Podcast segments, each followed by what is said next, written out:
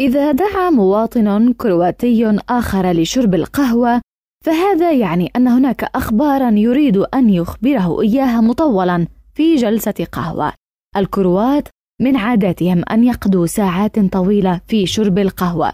غير ذلك أعلن الكروات أن كرة القدم أهم ثاني شيء في العالم كما أن من عاداتهم أن يلوموا تغيرات الطقس على سوء مزاجهم وأوضاعهم الصحية. من اختراعات الكروات المشهورة ربطة العنق والقلم. عاصمتها زغرب وأصغر مدينة في العالم موجودة في كرواتيا واسمها هوم هاء واو ميم أو H U M يعيش فيها عشرون أو ثلاثون نسمة.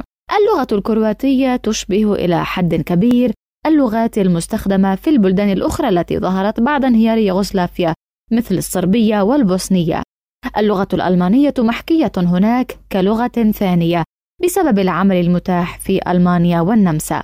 في 2016 قدر عدد سكان كرواتيا بأربعة ملايين وتسعة عشر ألف نسمة أما متوسط العمر المتوقع فيها يزيد عن الثمانية وسبعين عاما بقليل. لشبكة أجيال أسيل دوزدار.